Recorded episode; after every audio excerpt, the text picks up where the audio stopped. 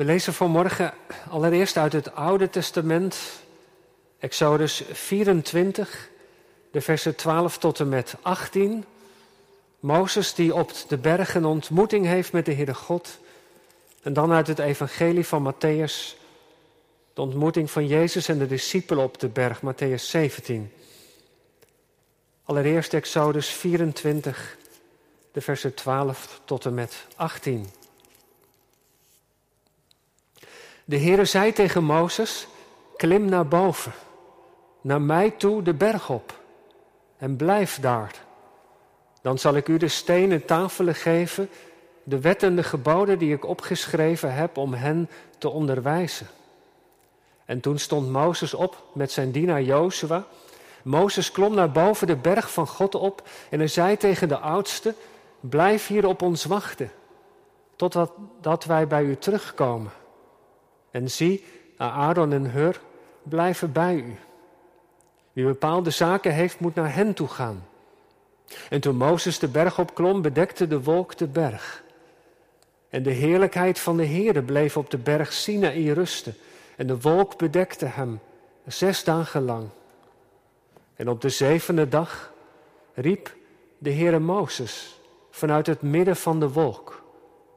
En de aanblik van de heerlijkheid van de Heere op de top van de berg was in de ogen van de Israëlieten als een verterend vuur.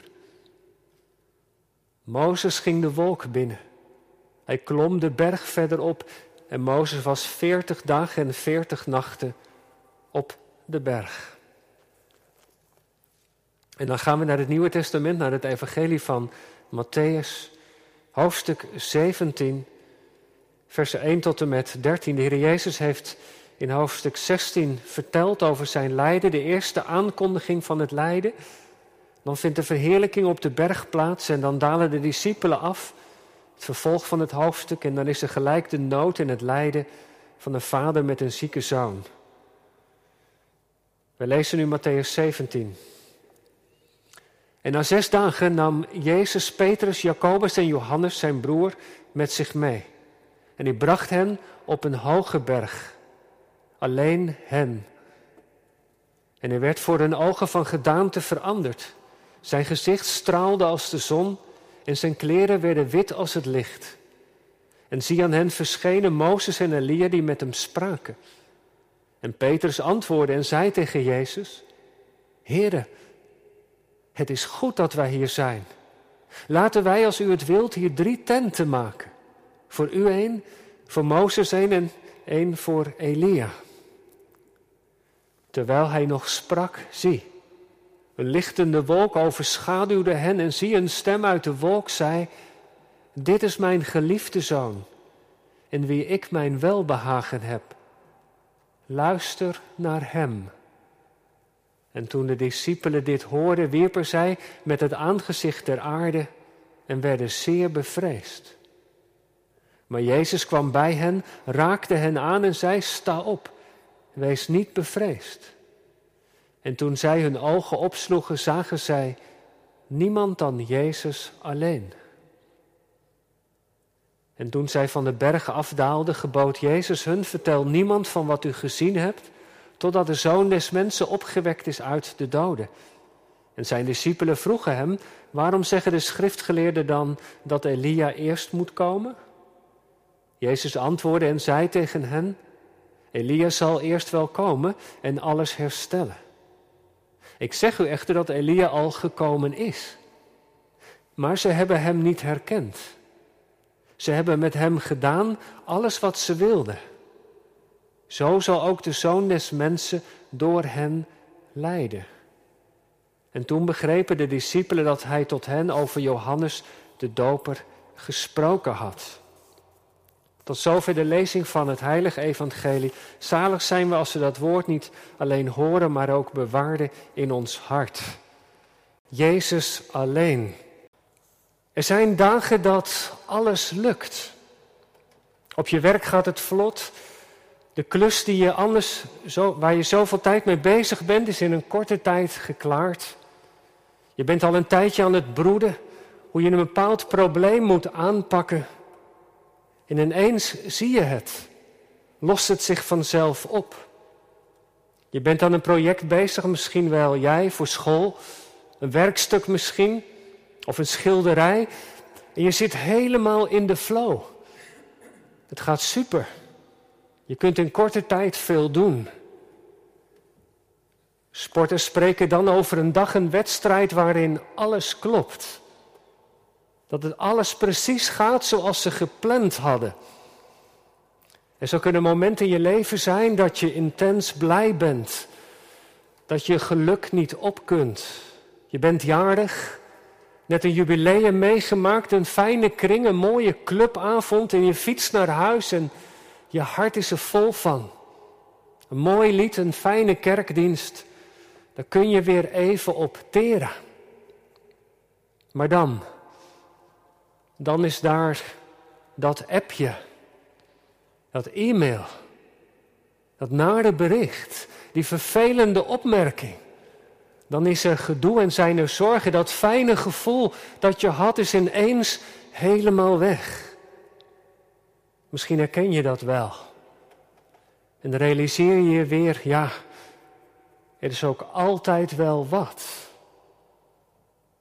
Zeker deze dagen, nu het coronavirus alles ontregelt en we met zondag thuis zitten. Bezoek aan mensen die ziek zijn of kwetsbaar kunnen we niet doen. Niet op bezoek bij iemand die je lief is, je ouders, je opa en oma. Ineens is alles anders. Zomaar in korte tijd is heel ons leven ontregeld. En zo kan het gaan. Vreugde en verdriet, blijdschap en zorgen, het ligt allemaal dicht bij elkaar. In de woorden van het Bijbelgedeelte, je bent boven op de berg vol vreugde, maar je bent ook zomaar beneden in het dal en maak je je zorgen. Maar dat overkwam ook de discipelen. Jacobus, Petrus en Johannes, ze bevonden zich met Jezus boven op de berg. Op de berg van de verheerlijking. Ze zijn erbij als Jezus ineens begint te stralen. Ze zien iets van zijn hemelse heerlijkheid. Het licht, de wolk, de stem van God. Wat een bijzonder moment moet dat voor ze geweest zijn. Ooggetuigen van de majesteit van Jezus. Het heeft op hen diepe indruk gemaakt. Want weet u, als Petrus later een brief schrijft, dan heeft hij het nog steeds over dat ene moment daar op de berg. In zijn tweede brief schrijft hij, wij zijn ooggetuig, ooggetuigen geweest van zijn majesteit. Jezus heeft van God de Vader eer en heerlijkheid ontvangen. Toen een stem als deze van de verheven heerlijkheid tot hem kwam. Dit is mijn geliefde zoon, in wie ik mijn welbehagen heb. En deze stem hebben wij gehoord. Toen deze vanuit de hemel kwam. Ter, terwijl wij met, met Jezus op de berg waren. Dat moment zijn ze dus nooit meer vergeten. Samen met Jezus op de berg. Daar zagen ze iets van de hemel. Daar klonk de stem van de Vader. Deze, een innig moment. Op de berg in de gloria van God. Maar dan, dan dalen ze af. Beneden in het dal is er opeens een doodziek kind. Ineens worden ze geconfronteerd met hartverscheurend lijden van een vader met een maanzieke zoon. En ze kunnen hem niet helpen. Wat ze ook proberen, het lukt niet. Jezus zelf moet eraan te pas komen. Zonder mij kunt ge niets doen. Wat een overgang is dat. Op de berg waanden ze zich even in de hemel, leek hun geloof sterk. En beneden in het dal staan ze met lege handen en dat binnen enkele minuten, binnen een half uur misschien. Wat een contrast tussen wat ze op de berg hebben gezien en wat ze in het dal beneden meemaken. Maar weet u, weet je, die beide gebeurtenissen hebben alles met elkaar te maken. Wist je dat? In het dal ligt hun roeping. Daar is de nood.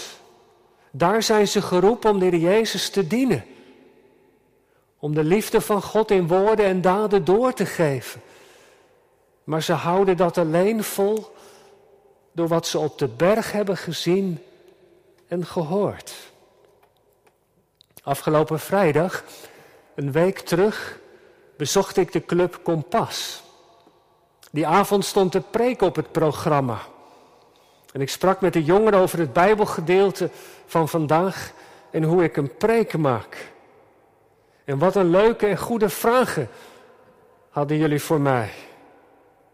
Vooral een van de laatste. Dominee, als u nu een preek in één of twee zinnen kunt samenvatten, waarom doet u er op zondag dan zo lang over? vroeg iemand. Ja, voor jullie jongeren duurt de preek best lang, dat snap ik best. Maar ik heb ook wel uitgelegd dat het belangrijk is om de Bijbel goed uit te leggen. En dat we in elke preek, als het goed is, ook over de Heer Jezus horen. Over wat Hij voor ons heeft gedaan. Je snapt, dat is ook belangrijk. Want zo leren we Hem beter kennen. Dominee, hoe maakt u nu een preek? vroeg iemand. En toen heb ik geantwoord dat in elke preek twee vragen centraal staan. De eerste is deze. Wat lezen we hier over de Heer Jezus of over de Heere God? En de tweede vraag, wat betekent dit voor ons? Nou jongelui, die twee vragen komen nu aan de orde. Wat betekent het gebeurde op de berg voor de Heer Jezus? Dat hebben we samen net gelezen. We lezen dat hij van gedaante verandert. Dat zijn gezicht begint te stralen als de zon. Zijn kleren worden wit als het licht. Mozes en Elia verschijnen aan hem. Er is een wolk. En uit de wolk klinkt de stem van God. Er gebeurt zoveel op de berg. Wat betekent dit? Nou dit. Op de berg wordt de Heer Jezus door God bemoedigd. Nou, wat bemoediging is, weten we wel, toch?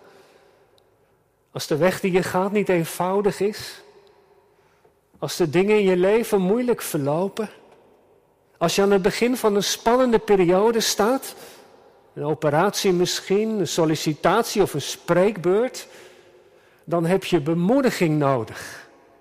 Je vader of je moeder tegen je zegt: Kom op, het gaat je lukken. Een schouderklopje, een opbeurend woord. Een Bijbeltekst. Ik zal voor je bidden. Een bemoediging. Toen Jozua, de opvolger van Mozes, voor de moeilijke taak stond om het volk het beloofde land binnen te brengen, Jozua 1, kreeg hij ook een bemoediging van God. God zei tegen hem: Wees sterk en moedig want ik ben met je. Ik zal je niet begeven en ik zal je niet verlaten. Nou, die woorden, die zijn met Jozua meegegaan. De rest van zijn leven. En zo op de berg wordt hier Jezus door God de Vader ook bemoedigd. Waarom? Jezus is mens geworden. Net als wij. Dat is het wonder van de incarnatie, van zijn menswording. Hij daalde neer van zijn troon om mens te zijn. Van de stal naar het kruis droeg hij onze pijn, onze schuld. Jezus is mens geworden om ons mensen te redden. Hij heeft al zijn heerlijkheid afgelegd, het leven dat hij had in de hemel, om hier beneden in het dal bij ons mensen te kunnen zijn. In deze aardse en zondige wereld. Hij is ons mensen in alles gelijk geworden. Uitgenomen dan de zonde. En als mens had Jezus ook bemoediging nodig. En zo'n bijzondere bemoediging heeft Jezus twee keer ontvangen. Twee keer in zijn leven klonk er een stem uit de hemel: Dit is mijn geliefde zoon in wie ik mijn welbehagen heb. Met die woorden versterkte de vader zijn zoon. De eerste keer was bij zijn doop. Dat lezen we in Matthäus 3. Als Johannes de mensen oproept om hun zondige leven achter zich te laten en zich te laten dopen. Als teken van het nieuw begin gaat Jezus ook in de rij staan. Hij heeft geen zonde gedaan, maar laat zich net als alle mensen daar ook dopen. Hij maakt zich één met zondige mensen. En zo begint hij aan zijn openbaarde optreden. Vanaf dat hij rondgetrokken, opgezocht. Maar dat was voor hem niet gemakkelijk. Mensen op, hun, op het viert van hebben. Dat vind ik vreugde. Ga maar op pad om mensen te redden. En nu op de berg gebeurt dat voor de tweede keer. We zijn bijna drie jaar verder. Jezus staat op het punt om naar Jeruzalem te gaan. Daar zal hij sterven aan het kruis. Om verzoening te doen voor onze zonden. Daar zal Jezus de strijd aangaan. Met de macht van de zonde, de dood en de duivel. Maar voordat die moeilijke tijd aanbreekt, ontvangt Jezus op de berg opnieuw een bemoediging. Een dubbele bemoediging zelfs. Eerst heeft hij een ontmoeting met Mozes en Elia, vertelt Matthäus. Het is met recht een topontmoeting. Op de berg wet te danken. Mozes was de grote wetgever namens God. Elia was de wetshersteller. Als profeet moest hij het volk weer terugbrengen tot God. En met beide heeft Jezus een gesprek. Ik vond het trouwens wel opvallend dat Mozes en Elia aan Jezus verschijnen. Ze waren natuurlijk al lang geleden gestorven. En toch, en dat is het mooie, toch leven ze bij God in de hemel. Mozes en Elia zijn te herkennen. Dat is toch mooi, hè? Het laat iets zien van de rijkdom van het geloof, dat wie in Christus gelooft en sterft, niet dood is, maar leeft. Wij mogen onze geliefde weten in de glorie, in de tegenwoordigheid van God, is dat niet troostvol? Mozes en Elia zijn niet dood, ze leven en zijn in gesprek met Jezus. Waarover spraken ze? Matthäus vertelt dat niet. Maar ik denk dat ze hem hebben aangespoord om de weg naar het kruis te gaan. Want daar zal Jezus miljoenen mensen verlossen van hun zonde. Mozes zal ongetwijfeld gesproken hebben over zijn ervaring met Israël, over de ongehoorzaamheid aan de wet. Elia zal gesproken hebben namens de profeten over al die boodschappen die het volk heeft ontvangen en dat ze zo vaak roependen in de woestijn waren. Beiden spreken met Jezus over het belang van het offer, de weg naar het kruis. Want zijn dood zal tot redding zijn van velen. En als Jezus met ze spreekt, dat is de eerste bemoediging, dan voegt de Vader ook zijn stem daarbij. Hij bemoedigt zijn zoon opnieuw. Want hij weet, als Jezus niet gaat naar het kruis, dan is alles verloren. Dan is er vergeving, dan is er geen vergeving voor onze zonde. Dan is er geen overwinning over de dood. Dan blijft alles in het dal bij het oude. En daarom nog één keer die stem. Dit is mijn geliefde zoon in wie ik mijn welbehagen heb. En met die bekrachtiging kan de Heer Jezus verder.